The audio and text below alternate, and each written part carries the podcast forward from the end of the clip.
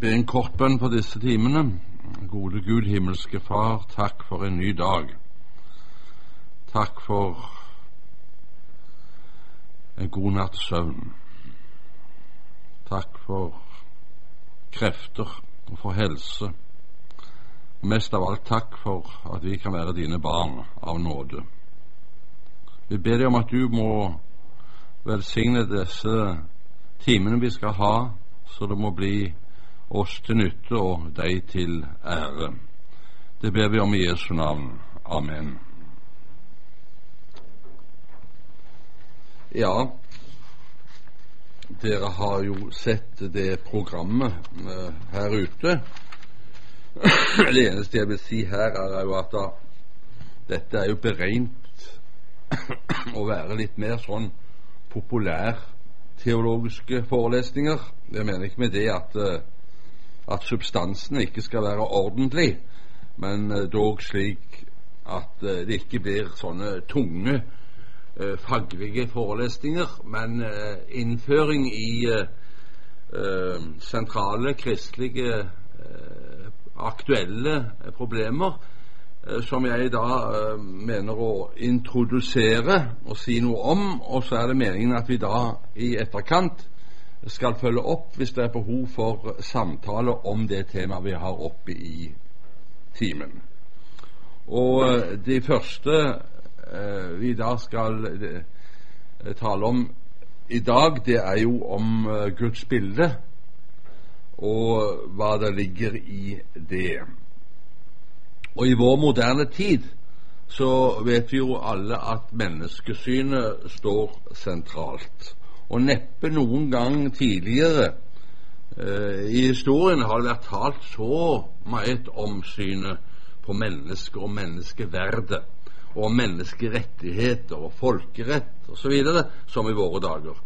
Og Det kjenner vi til fra alle media og fra litteraturen. Og i møte med vår tids uh, nyhedenskap og de fremmede religioners og kulturers menneskesyn, så kommer det ofte til en grunnleggende konflikt med det kristne syn på mennesket. Ikke nødvendigvis alltid på overflaten. Det er ikke der vi alltid merker det, men i dybden, når man begynner å gå inn på og prøve tingene. Og Det gjelder samtidig også vårt gudsforhold. Og I denne sammenheng er det viktig at vi som kristne er oss bevisst det menneskesyn som Bibelen og den kristne tro står for. Og her er det dette med Guds bilde kommer inn eh, meget sterkt. Sannheten om at vi er skapt i Guds bilde, uh, og at dette bildet er blitt eh, ikke bare skadet, men rett og slett ødelagt av synden. Men at Gud gjenreiser sitt bilde i oss ved troen på Jesus Kristus, det kjenner vi alle til fra barnelærdommen vår. Alle forbinder vi noe med det. For denne sannhet, den er grunnleggende for det kristne syn på mennesket og menneskets verd. Og samtidig har det med vårt bilde av Gud å gjøre. Og Bibelens tale om gudsbildet, disse spørsmålene overhodet, rommer så mye dyp og avgjørende kunnskap både om Gud og om oss selv at vi til enhver tid trenger til å minnes om det, repetere det og ettertenke det. Spørsmålet har med hele vår kristne tro å gjøre, og med vår grunnholdning til både Gud og mennesker. Og det er en kunnskap og sannhet fra Gud som både nødvendig for troens liv og for å kunne bekjenne troen rett i en pluralistisk og forvirret tid. Derfor skal vi nå i, på en måte i tre faser i dag ta for oss dette med hva vi forbinder, og må forbinde på Bibels grunn, med Guds bilde, vårt gudsbilde. Dernest om hvordan synden er kommet inn i bildet og har fått ødeleggende virkninger på vårt gudsbilde. Og dernest hvordan Gud gjenreiser sitt bilde i oss.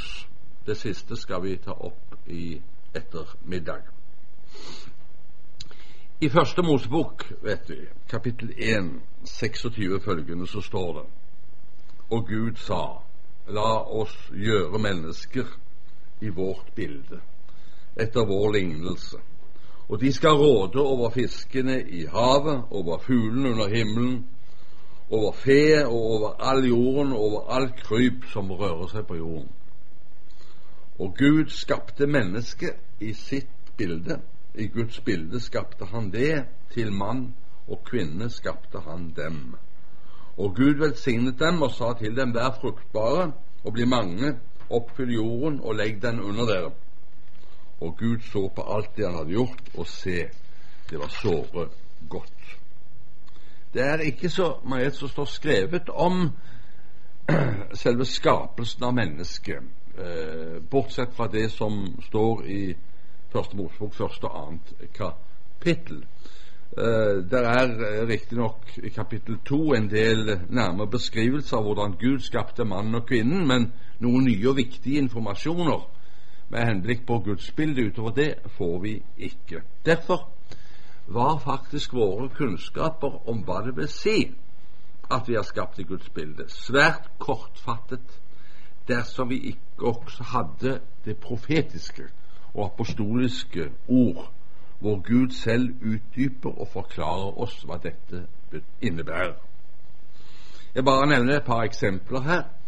Et eksempel på en sådan profetisk utdypelse har vi f.eks. når David i Salme 8 henviser til at Gud skapte mennesket sitt bilde og sier Når jeg ser din himmel, dine fingrers gjerninger, månen og stjernene som du har gjort, hva er da et menneske at du kommer ham i hu, et menneskebarn, at du ser til ham?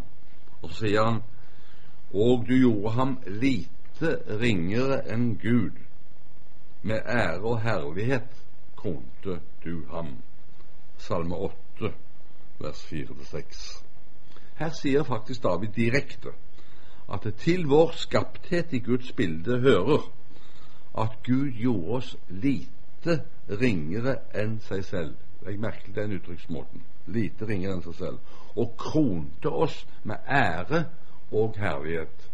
Lite ringere enn seg selv, ære og herlighet, det er jo predikater som knyttes til Gud selv i eh, Den hellige skrift vi kan si hvilken svimlende tanke når vi eh, reflekterer over det. Og Det samme tilfellet f.eks. Jesajas i kapittel 43, 7 taler om Vær den som nevnes ved Guds navn, og som Gud har skapt til sin ære, som Han har dannet og gjort. Og Her henviser altså Jesajas direkte til vårt gudsbilde. At vi er skapt i Guds bilde, betyr at vi er nevnt ved Guds eget, eget navn og skapt til Hans ære. Og vi vet at det som er til Guds ære, det er fullkomment, og det er godt. Derfor står det også skrevet at Gud så på alt det han hadde gjort, og se, det var såre godt. Sannheten om at vi er skapt i Guds bilde, og hva det innebærer, går faktisk som en rød tråd gjennom hele Den hellige skrift, om vi bare er oppmerksom på det. Vårt gudsbilde, men også tapet av det, ligger til grunn for alt som sies om oss mennesker i forhold til Gud, og om vårt forhold til hverandre. Og til sist så åpenbares denne sannhet om Guds bilde for oss helt og fullt i Jesus Kristus. Guds egen enbårne sønn. Han som er sann Gud og sant menneske midt i vår historie. Det bestemmer vår grunnholdning til mennesket og menneskeverdet, ofte i sterk motsetning til en sekularisert forståelse av menneskeverdet. Da Jesus kom, åpenbarte han Gud og Hans herlighet for oss. Det kunne han gjøre fordi han var Gud selv fra evighet av. Apostelen Johannes sier jo i begynnelsen var Ordet Jesus, og Ordet var hos Gud, og Ordet var Gud, og Ordet ble kød og tok bolig blant oss, og vi så Hans herlighet, den herlighet som den enbårne sønn har fra sin far, full av nåde og sannhet. Johannes 1. Men fordi Jesus også var fullt og sant menneske etter Guds vilje, og uten synd, så kunne han også åpenbare det sanne mennesket etter Guds bilde. Slik sådan det var skapt fra begynnelsen. Og det gjør han i og ved sin egen person, han som er det nye mennesket, som apostelen kaller ham, og som vi skal ikle oss. Samling Kolossenserne 4.24. Altså Jesus er det nye mennesket som vi skal ikle oss. Og Derfor kalles Jesus også i Kolossenserne 1.15 for Guds bilde. Det heter han er et bilde av Gud den usynlige, sier eh, Paulus. Og av samme grunn kalles Jesus for den andre Adam, vet vi. Den første Adam, han var av jorden, sier Paulus, men den andre Adam, Jesus, han er av himmelen. Første kor 1547. Og Paulus sier til og med direkte at den første Adam, han var et forbilde på den som skulle komme, Jesus. Romerne 5, 14. Den første Adam var da han var i Guds bilde, og før han falt i synd, etter Guds råd og allvitenhet, et forbilde for Jesus som det sanne mennesket. Og Adam ble også, etter han falt i synd og kom under dødens dom, til et motbilde på Jesus som skulle komme og bære menneskeslektens synd og dø for den. For som det heter i Romerne 5, 18, liksom ens fall, altså Adam, ble til fordømmelse for alle mennesker. Således ble også ens rettferdige gjerning, det er Jesu gjerning, til livsens rettferdiggjørelse for alle mennesker. Her er Adam Kristus hele tiden stilt opp mot hverandre, dels som forbilde, dels som motbilde. Altså I Jesus har vi derfor en dobbelt sannhet som vi må holde fast ved. Jesus åpenbar for oss hva mennesket i Guds bilde opprinnelig og egentlig betyr. For Jesus er et sant og fullkomment menneske med ånd, sjel og legeme. Han har samfunn med Gud, han er rettferdig og uten synd, liksom den første Adam, det første mennesket før fallet. I Jesus ser vi derfor oss selv, mennesket, slik vi er skapt og skulle være etter Guds vilje, rettferdige uten synd og fulle av ære og herlighet. Som David sier i Salme 8, du gjorde ham lite ringere enn Gud. Derfor kan Jesus være vår frelser.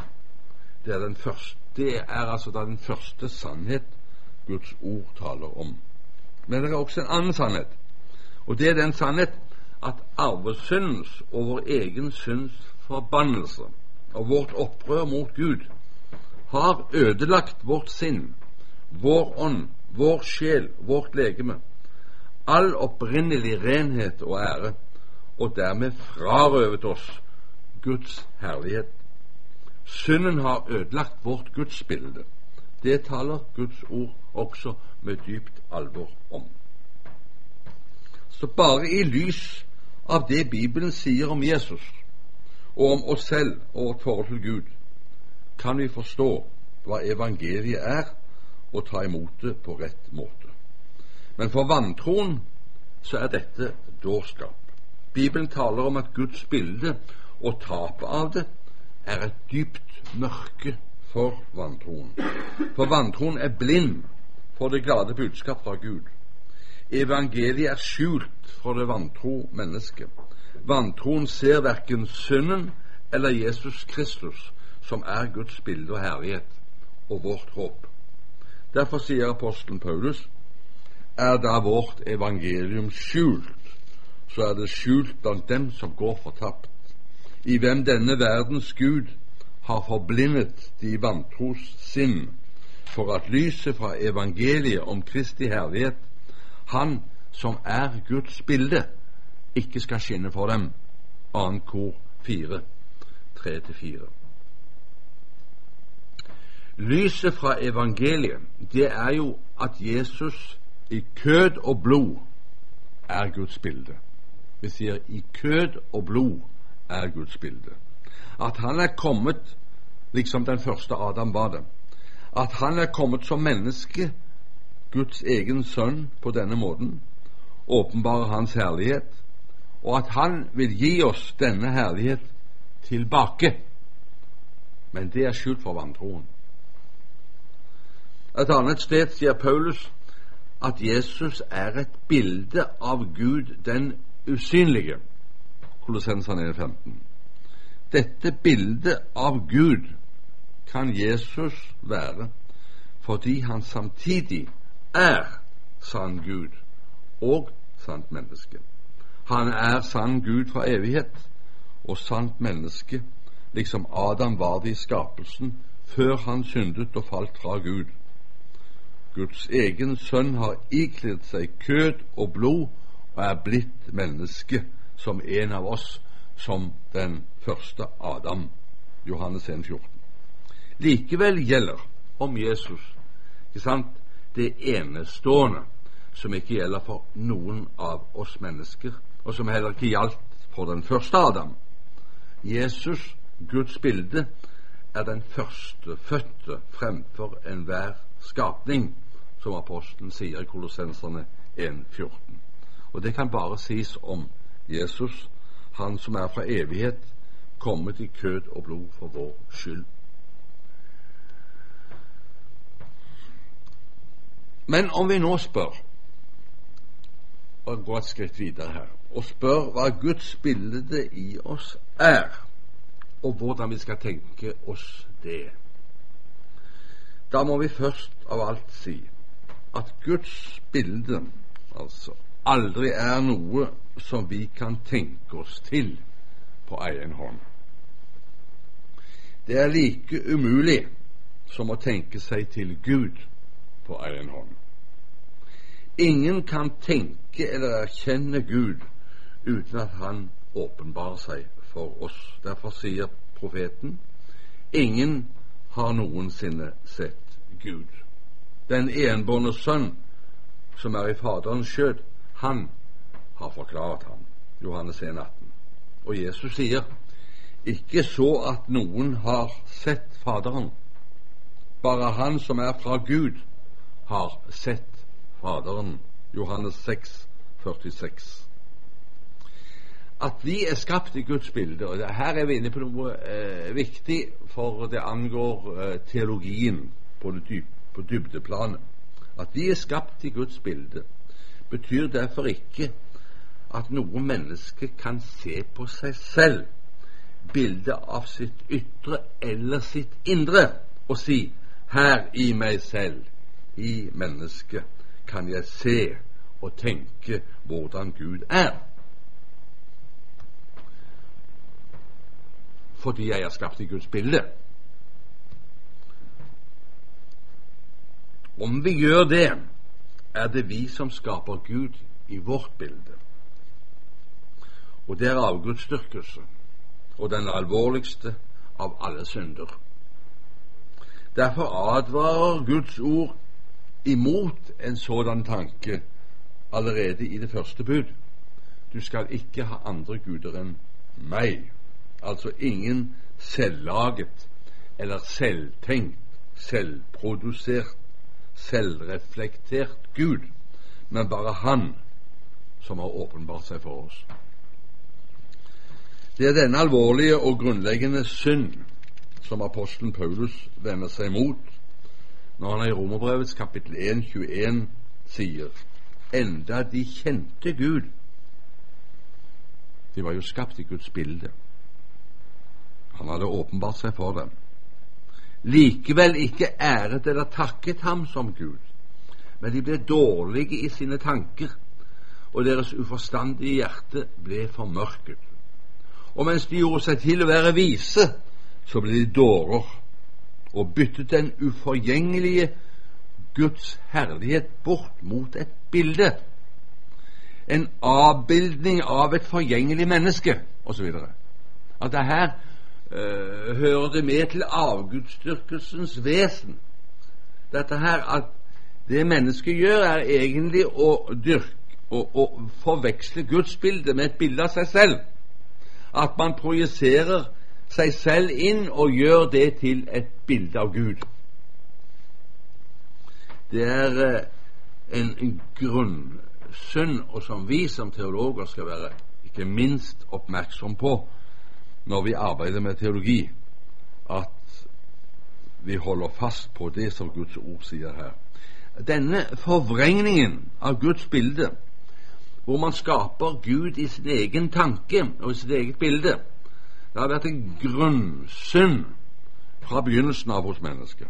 Og vår tids filosofi og teologi er full av den. Det selvrådige og selvkloke mennesket lager seg en gud etter sitt eget forgodtbefinnende. Slik jeg tenker og føler, religiøst sett, sådan er Gud. Sådan jeg tenker og føler, sådan er Guds vilje. Vi kjenner det igjen. Det er jo det som er trenden i dag, ikke minst i den såkalte postmodernistiske måte å tenke på. En sådan religiøsitet har ikke noe med kristendom å gjøre, men er avgudsdyrkelse og en villfarelse som Guds dom er over, og som Gud selv straffer hardt. Derfor sier Gud selv i tilknytning til det første bud om denne avgudsdyrkelsen Herren din Gud er en nidkjær Gud, som hjemsøker fedres misgjerninger på barn inntil tredje og fjerde ledd på dem som hater meg. 2. Mosebok 25. Hvem Gud er, hva Hans bilde i oss er, kan derfor bare Gud selv åpenbare for oss. Bare Han selv kjenner sitt eget vesens dyp og sin herlighet, ikke noe menneske. Den som søker ham utenom hans åpenbaring, han søker i mørket og finner ham aldri. For han bor i et utilgjengelig lys, som Paulus sier i 1. Tim 6,16.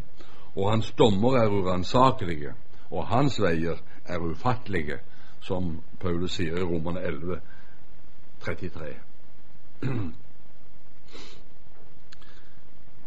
For det første må vi da understreke at vi er skapt med både sjel og legeme. Og både sjel og legeme er skapt i Guds bilde og er fra første stund en helhet, og det er såre godt. Det er det som Skriften lærer om dette. I Bibelen er altså sjel og legeme ikke to atskilte deler av oss, men en enhet og en helhet. På samme måte som vi en gang ble skapt med sjel og legeme, så skal vi en gang dø med sjel og legeme, som hele mennesker. Det er ikke bare en del av oss som dør, men hele oss dør fordi vi har syndet med hele oss. Men Gud har skapt hver enkelt av oss med sjel og legeme som en enhet og helhet, og derfor er både sjelen og legeme fra Guds skaperhånd noe godt etter hans bilde. Men det religiøse mennesket vil i sin egen selvherlighet gjerne si at synd og det onde, det sitter i legemet, Derfor skal det dø.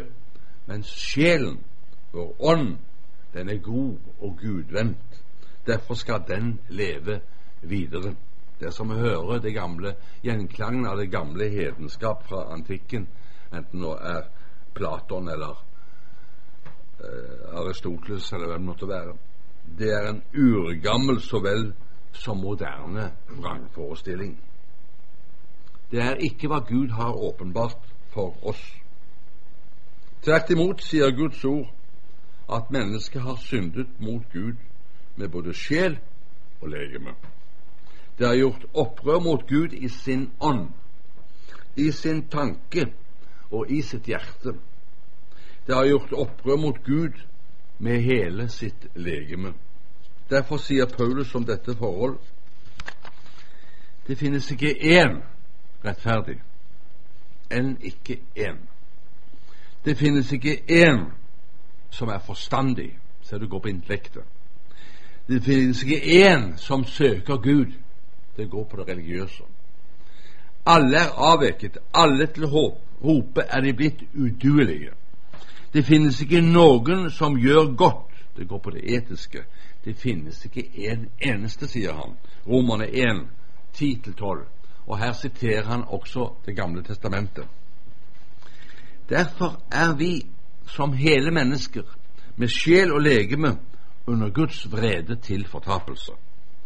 Vi har syndet med hele oss, derfor skal vi også dø som hele mennesker, med sjel og legeme, på grunn av synden.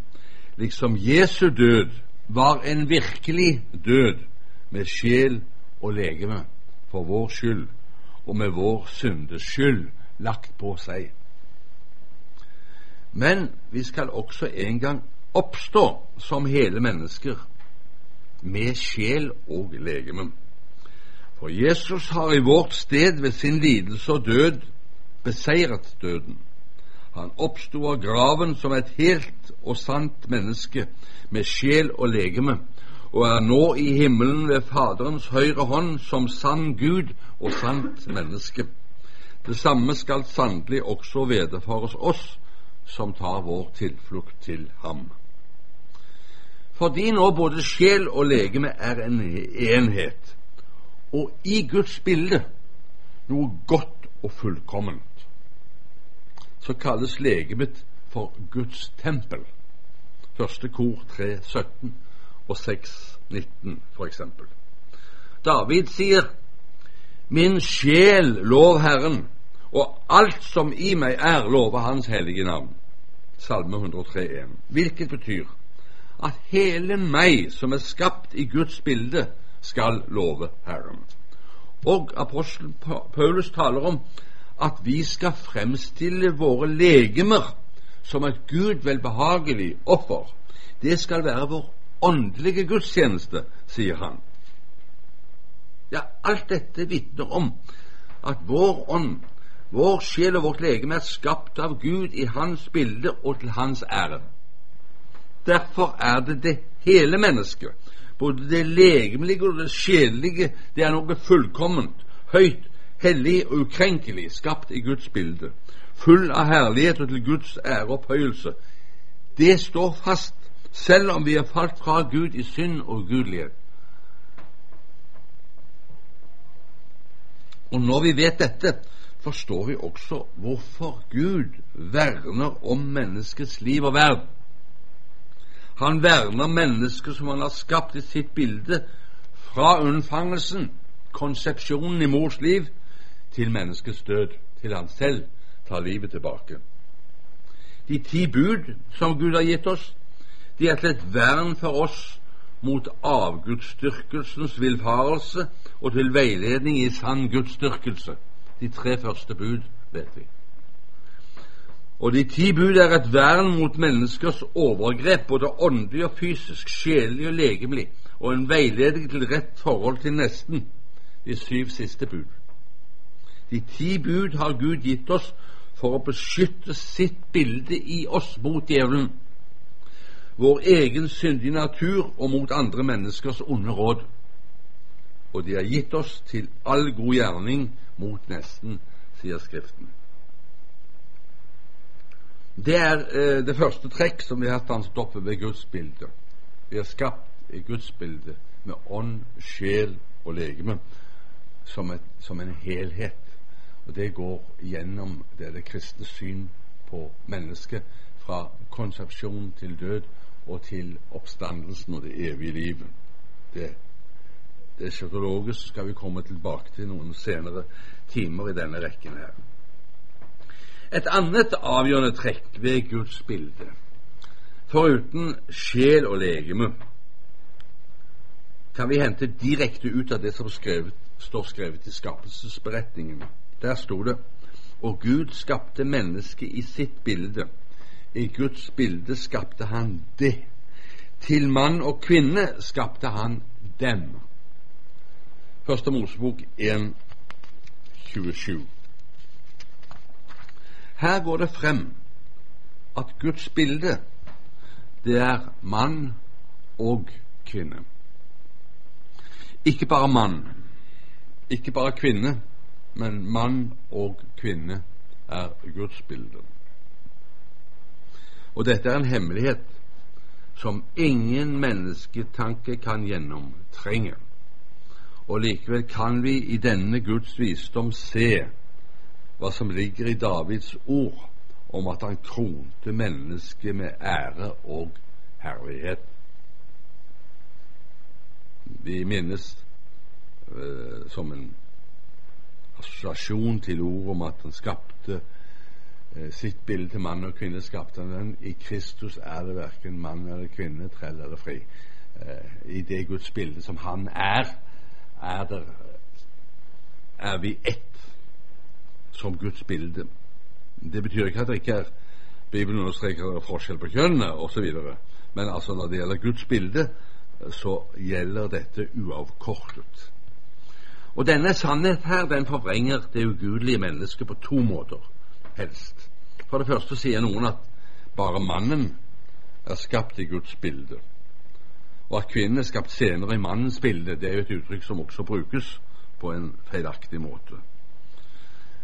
Men det må karakteriseres som ren mannssjåvinistisk filosofi som kommer i direkte strid med Guds ord og det det sier.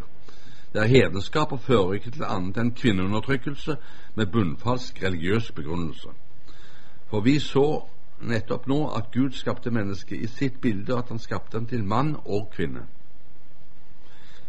Mennesket er mann og kvinne. Mennesket er mann og kvinne. Og Guds bilde er mann og kvinne. Og Paulus sier her er ikke jøde eller greker, her er ikke trell eller fri, her er ikke mann eller kvinne, for dere er alle én i Kristus Jesus. Galaterne 3,28, altså i Guds bilde. At alle mennesker, uansett rase, stand og kjønn, er ett i Jesus Kristus som Guds bilde, betyr intet annet at alle er én i hans bilde. Det er grunnlaget for alt som for øvrig sies i Bibelen. Gud er høyt opphøyet over alt menneskelig og alt kjønnslig i sin egen person.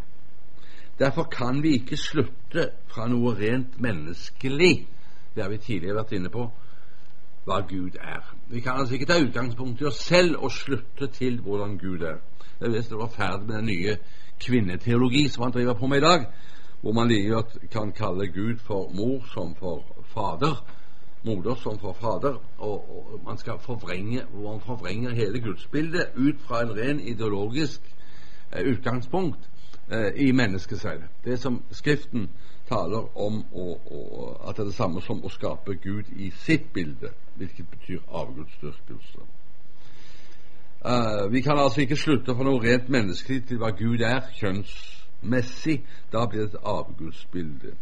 Vi skal heller ikke i evigheten ta til ekte eller gi til ekte, sier Jesus, uten at vi uh, Som kan liksom klinge med i denne problemstillingen. Matteus 22, 30. Likevel er det et faktum at Gud omtales i tredje person hankjønn, rent språklig i Bibelen. Bibelen taler om Gud som Han, ikke om henne.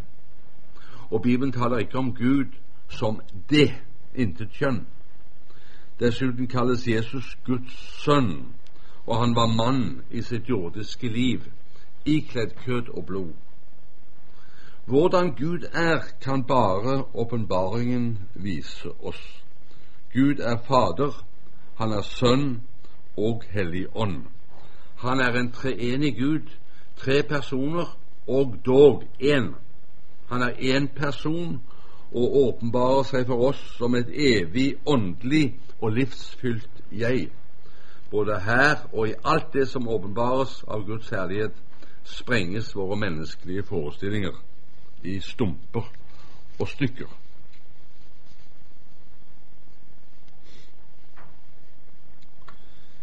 Om vi ser nøyere etter det som skjer i skapelsen av de første mennesker, så blir det klart at det første Gud gjør etter at han har skapt mennesket, det er å tale til det. Og mennesket forstår umiddelbart både hvem det er som taler, og hva som blir sagt. Og Her er vi inne på noe grunnleggende og underfullt ved gudsbildet som vi sjelden tenker over. Den måten Gud har samfunn med oss mennesker på, er gjennom talen. Det er etter Guds suverene vilje at det skal være således. Det er etter Hans bilde. Uten Guds tale så var vi overgitt til den ytre, tause natur, som jo kan tolkes i alle retninger etter menneskets forgodtbefinnende og religiøse og filosofiske kreativitet. Det verdslige mennesket ynder denne form for religiøsitet, nemlig uten Guds tale å holde seg til det skapte alene. Det foretrekker sin egen fantasi fremfor Guds ord. Men det fører alltid til at mennesket dyrker det skapte istedenfor skaperen, som apostelen Paulus sier i Roman 1, 25. Men Gud har etter sitt råd og sin visdom talt til oss i et ytre ord, og gjennom talen meddeler Gud sin åndsvirkelighet til oss, så vi kan kjenne ham, hans hjerte og hans vilje, så langt han selv vil at vi skal det. Ved talen har han også gitt oss mulighet til å meddele oss selv til ham og på den måten oppstår og bevares samfunnet med Gud. Det er gudsbildet i funksjon. Dette er ugjennomtrengelig for vår forstand. For det er et av de utallige Guds undre at en stemme, en lydbølge mot vårt øre, eller et skrifttegn på et papir mot vårt øye kan meddele og formidle åndsvirkelighet, så vi kan kjenne Guds hjerte og Hans ånd. Og et like stort Guds under er det at vi gjennom språk og tale kan kjenne hverandre på innsiden, så kjærlighet og alle andre følelser og tanker kan oppstå og næres. Ingen kan forklare eller rasjonalisere ut dette under fra Gud. Dette Guds under alene burde gjøre den ugudelige stum hvis han begynner å tenke etter. Det er Guds bilde i oss, midt i hverdagen. Uten denne mulighet som språk og talen gir, er meddelelse av åndsvirkelighet fra Gud til menneske, fra menneske til Gud og oss mennesker imellom umulig og uten talen og språket vil enhver mulighet for å legge verden under oss, som Gud har befalt, som hører til vårt kulturoppdrag, det ville være umulig hvis de ikke hadde talens mulighet. For all kultur, all forskning, all vitenskap, all politisk virksomhet og utvikling i samfunnet ville være umulig uten talen ordet, ja, ethvert mellommenneskelig forhold helt ned til det dypt personlige plan vil være umuliggjort. Uten talens mulighet ville ikke kjærligheten ha vært til, bare dyriske instinkter og reflekser uten ånd og sjel. Av den grunn er språket og talen, og dermed tenkningen, et grunnleggende trekk i gudsbildet. Talen er en gave fra Gud til mennesket. Talen tilhører Gud opprinnelig, sier Skriften, for Gud talte før noe menneske så dagens lys. Ja, det er det første vi hører om Gud, at han talte. Og Gud sa 'det blir lys', og det ble lys. Første Mosebok, første kapittel, vers tre. Og Gud sa La oss gjøre mennesker i vårt bilde. Første Mosebok 1,26. Og Guds tale var der før noe annet ble til. Talen tilhører derfor Guds bilde. Og denne underfulle mulighet som menneske vi er gitt i gave, skiller på grunnleggende måte mennesket fra alt annet Gud har skapt, både i den organiske og den ikke-organiske verden. Derfor ser vi også at Gud, etter at han har skapt mennesket, med all dets herlighet og ære, så sier han til det, vær fruktbare, bli mange, oppfyll jorden, legg den under dere. Første Mosebok 1.28. Dette kulturoppdrag det er gitt mennesket som en følge av at det er skapt i Guds bilde, og har fått både sjel og legeme med tenkningens og talens mulighet. Og her har vi eh, løpt tiden ut, og i neste time skal uh, en del av timen vi skal samtale også, en del av timen skal vi nå fortsette dette med språket og talen og vise hvordan dette får sin mening fra Guds forholdet. Men nå tar vi en, en, en liten pause.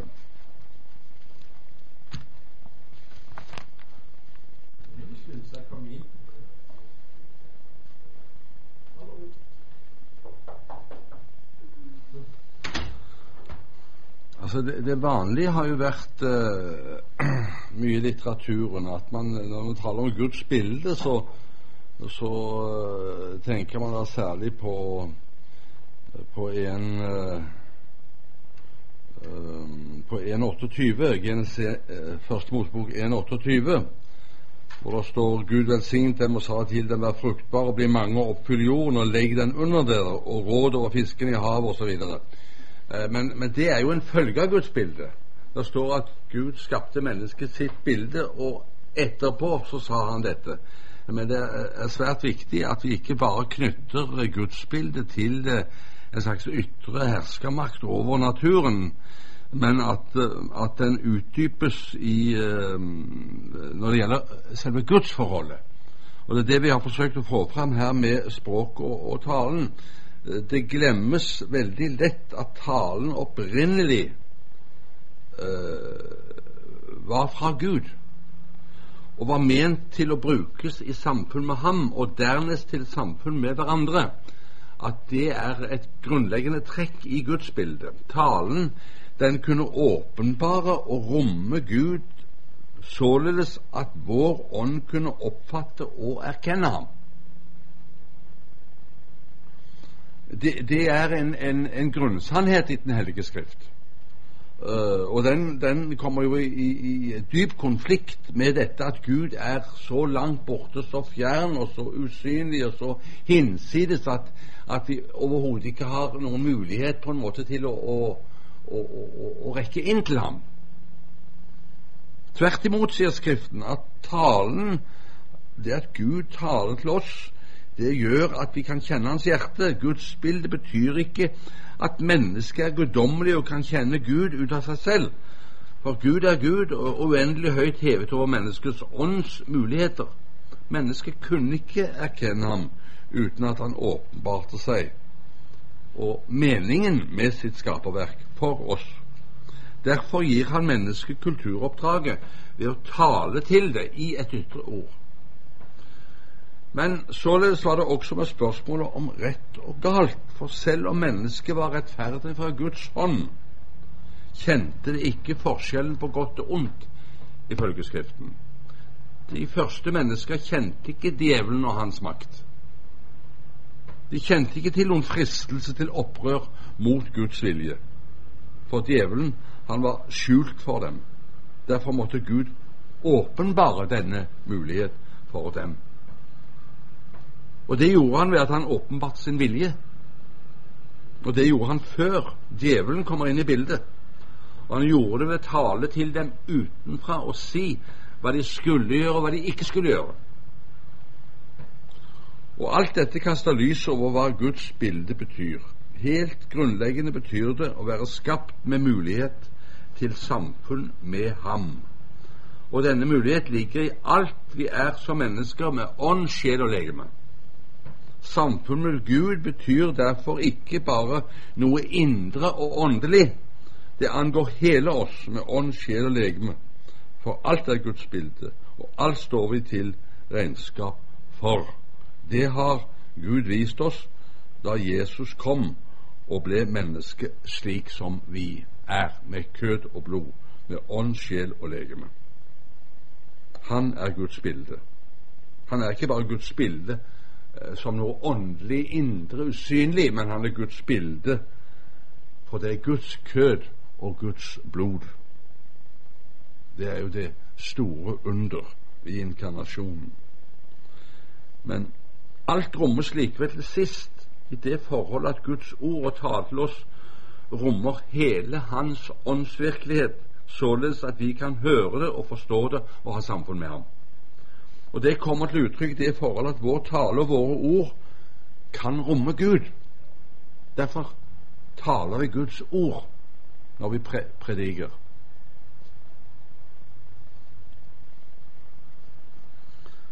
Vår tale kan romme Gud således at vi kan ha ham i vår tanke, at vi kan ha ham i vårt hjerte. Vi kan love å prise ham og forkynne ham for all verden. Det er det store under. Og Gud har gjort det så nærværende og så konkret for oss. Så sant Jesus er Guds bilde som vi kan ta og følge på. Derfor sier jo også Johannes i 1. Johannes brev, første avsnittene, om, om, livets ord. Det som vi, våre øyne så, det våre hender tok og følte på, så konkret, det var Han. Det var Gud selv som vi så og våre hender tok og følte på. Således har Gud blitt. Det er Guds bilde som vi beføler i Jesus. Talen og språket er derfor det høyeste uttrykk for Guds bilde. Og talen og språket, vet vi, har både en sjelelig, åndelig og en fysisk side. Liksom alt i oss, både det åndelige og det fysiske, tilhører Guds bilde i oss. Når derfor David taler om at Gud kronte oss med ære og herlighet, Salme 8, så er det dette han mener. Således Gud har skapt oss i sitt bilde, gjenspeiler vi Guds e egen ære og Guds egen herlighet. Av den grunn elsker Han oss med en kjærlighet vi aldri kan forstå til bunns med vår forstand. Men likevel kan vi gripe det Han sier i sitt ord, og fortrøste oss til det. Og vi kan si, så det som David begynner og slutter salmen Herre, vår Herre, hvor herlig ditt navn er over all jorden. Men alt dette store og herlige som Guds ord meddeler oss om Guds bilde i oss, åpenbart i Jesus Kristus, med det har det skjedd noe katastrofalt. Det som var fullkomment fra Guds hånd, det er blitt omklamret av og behersket av synd mot Gud. Og det gjelder ikke bare Adam, det første mennesket, men enhver av oss. Noe uutgrunnelig og ufattelig er skjedd i oss de mulighetene vi hadde i frihet til å leve i samfunn med Gud og til alt godt, det utnyttet mennesket til å gå utenom Guds råd og vilje. Hvordan dette kunne skje, vet vi ikke så mye om, men vi vet at det skjedde en gang med de første mennesker, og siden. Det vi vet, er at det var fra djevelen, Guds fiende, som kom med et spørsmål. Har Gud virkelig sagt? Og dette tvilens spørsmål førte til denne katastrofe. I sin frihet valgte mennesket å tvile på Guds ord, Guds tale, og gjøre noe annet enn det han hadde sagt.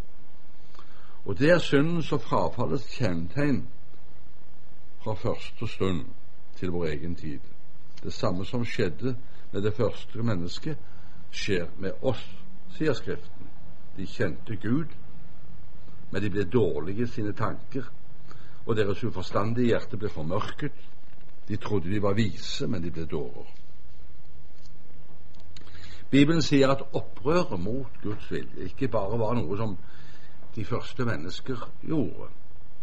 Synden kom inn i verden med det første mennesket, ja, og med synden kom også forgjengelighet og død som straff. Men alt dette ble slik, sier Bibelen, fordi alle syndet. Romerne 5,12. Det er intet unntak. Alle har syndet og fattet Guds ære, sier han i Romerne 3, 23. Alle er avveket og blitt udugelige, sier han i Romerne 3, 12. Derfor gjelder det samme for oss som for Adam. At Bibelen lærer oss at synden har en sådan kraft i seg og sådanne følger at den ødelegger menneskets natur og forplanter seg i menneskeslekten som en arv. Synden ødelegger alle de muligheter som Gud har gitt oss da Han skapte oss i sitt bilde. Og fordi videreførelse av slekten hører med til Guds bilde, så blir også denne videreførelse berørt av syndens følger, slik at den onde natur nedarves. Det er arvesynd, den første og opprinnelige synd, som vår bekjennelse taler om. Like visst som jeg arver mine foreldres legemlige og åndelige egenskaper, like visst arver jeg deres syndige natur, deres forvrengte gudsbilde. Og det samme gjelder for mine barn etter meg. En vanlig villfarelse, det er jo den tanke at arvesynd at den var de første menneskers skyld alene, og noe vi er kommet uforskyldt inn i, så å si. Men dette avvises i Skriften. Vi kan ikke skylde verken på våre forfedre eller på djevelen. Det ble avvist av Gud allerede fra første stund da Adam forsøkte å skylde på Eva, og Eva forsøkte å skylde på djevelen i første Mosebok 3. Guds dom rammet alle, og således har det også vært siden. Hvert menneske som blir født inn i denne verden, er født med motvilje mot Gud, med synd, uten gudsfrykt, uten tro på Gud. Derfor er enhver av oss skyldige for Gud, sier apostelen. Og det sier også vår kirkes bekjennelse i den augsburgske artikkel 2. En annen vanlig befarelse er den tanke at det må være den allmektige Guds skyld at vi er fulle av legemlige og åndelige skrøpeligheter.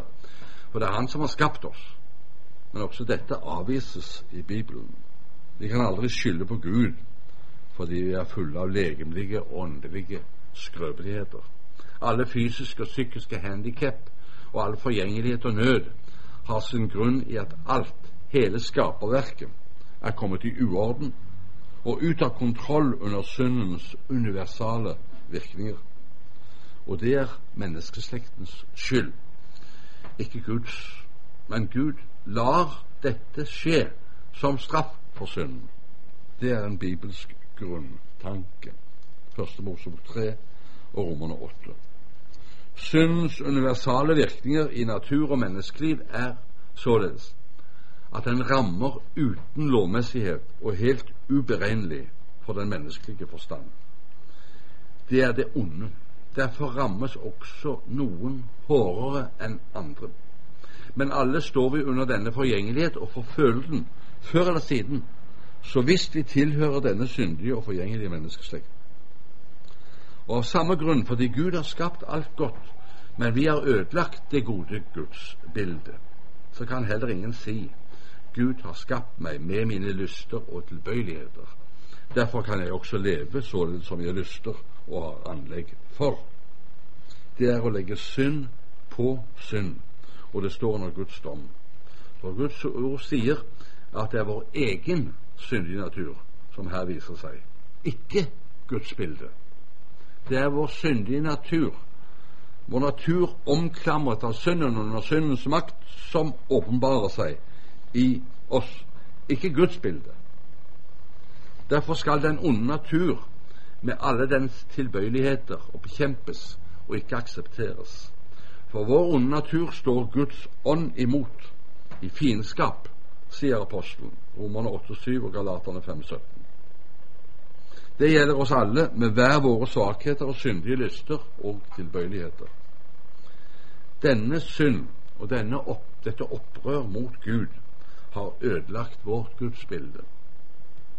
Og alt som gjelder dette gudsbildet, det er kommet i uorden. Det er blitt forvrengt og ødelagt. Mennesket er jaget ut av paradiset og har ikke lenger samfunn med Skaperen.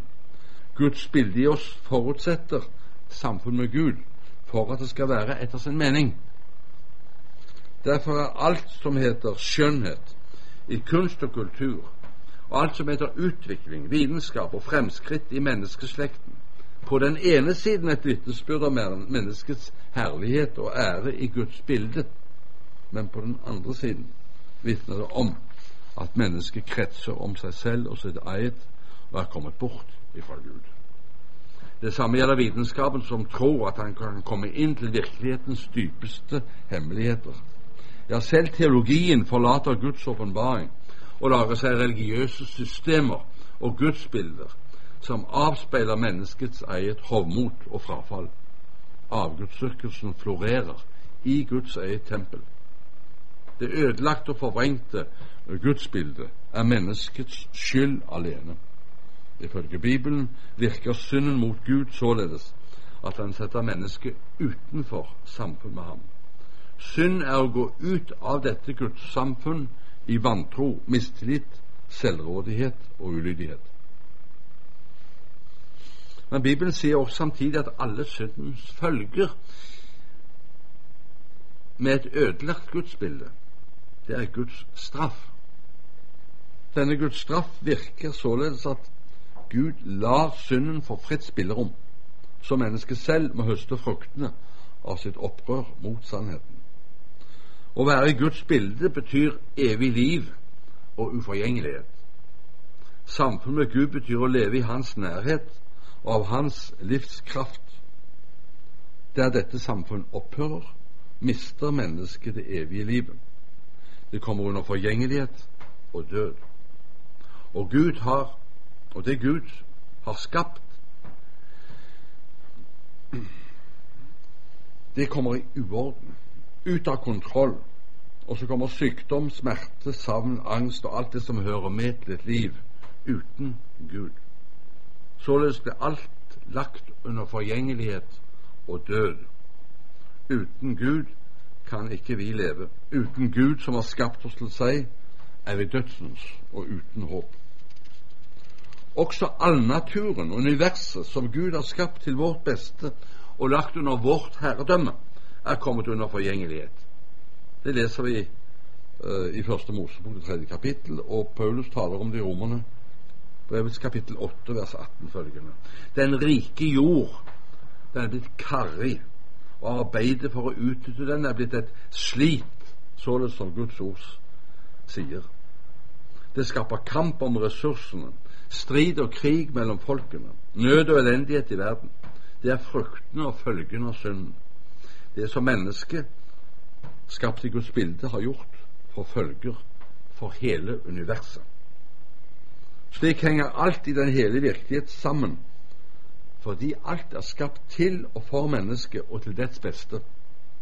Sentrum i hele Guds skaperverk, det er mennesket i Guds bilde. Derfor rokkes alt når mennesket faller fra Gud. Alt kommer i uorden. Og Gud, han lar det skje. Det er hans straff, så vi skal skjønne alvoret ved å komme, være kommet bort fra ham. Synden og de følger den har, er altså samtidig Guds straff. Gud lar følgene av menneskets synd og opprør komme over mennesket. Han lar det skje. Han overgir mennesket til seg selv og sin synd. Derfor heter det at Gud overgav dem i deres hjerters lyster til urenhet, så de i stedet for å dyrke sannhetsgud etter sitt gudsbilde dyrket avgudene. Og det heter også at Gud overgav dem til skammelige lyster. Dette uttrykket overgav dem til skammelige lyster, så de forvrengte seksualdriften som tilhører Guds bilde, mann og kvinne. Så kvinner drev med kvinner og menn med menn. Og det heter Gud overgav dem til et sinn som intet duger, så de ble fulle av urettferdighet, havesyke, ondskap, svik, mord, vold, upålitelighet og annet svineri. Det taler Paulus om i Romerbrevets første kapittel, vers 24, 26 og 28.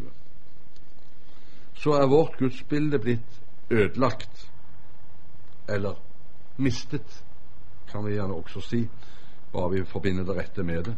Og vi har som mennesker mistet våre muligheter både i forhold til Gud, i forhold til hverandre og i forhold til universet og naturen som Gud har lagt under oss.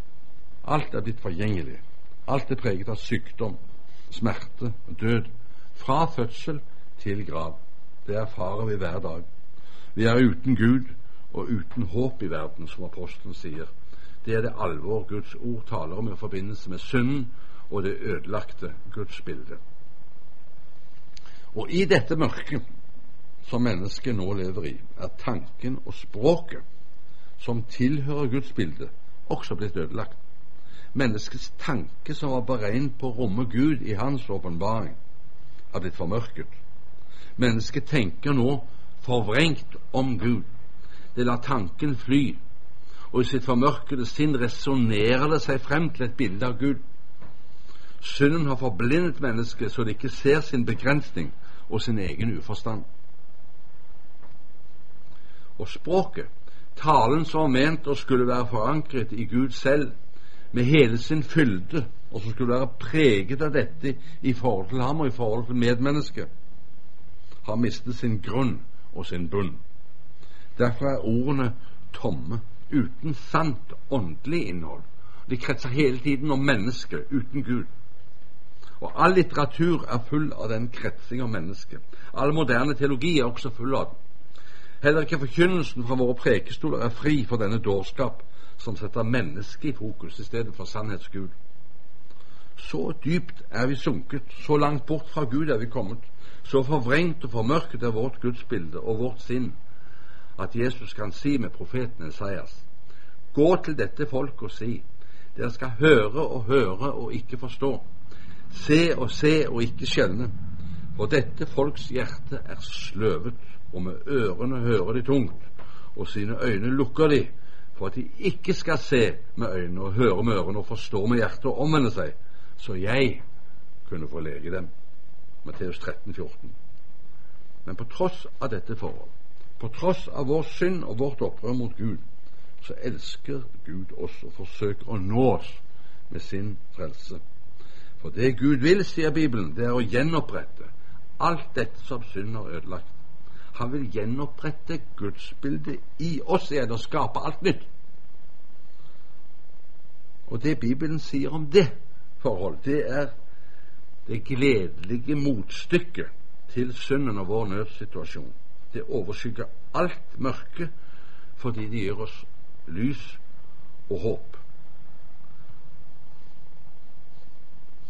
Og dette, denne gjenopprettelse av Guds bilde, det er ikke bare noe Gud en gang skal gjøre, men det er noe Han gjør her og nå, når vi hører Hans ord og tar det til oss og omvender oss, således som Skriften sier. Og det skal vi tale om i eh, ettermiddag, hvordan Gud eh, gjenoppretter sitt gudsbilde i oss som troende mennesker, og hva det ligger i det.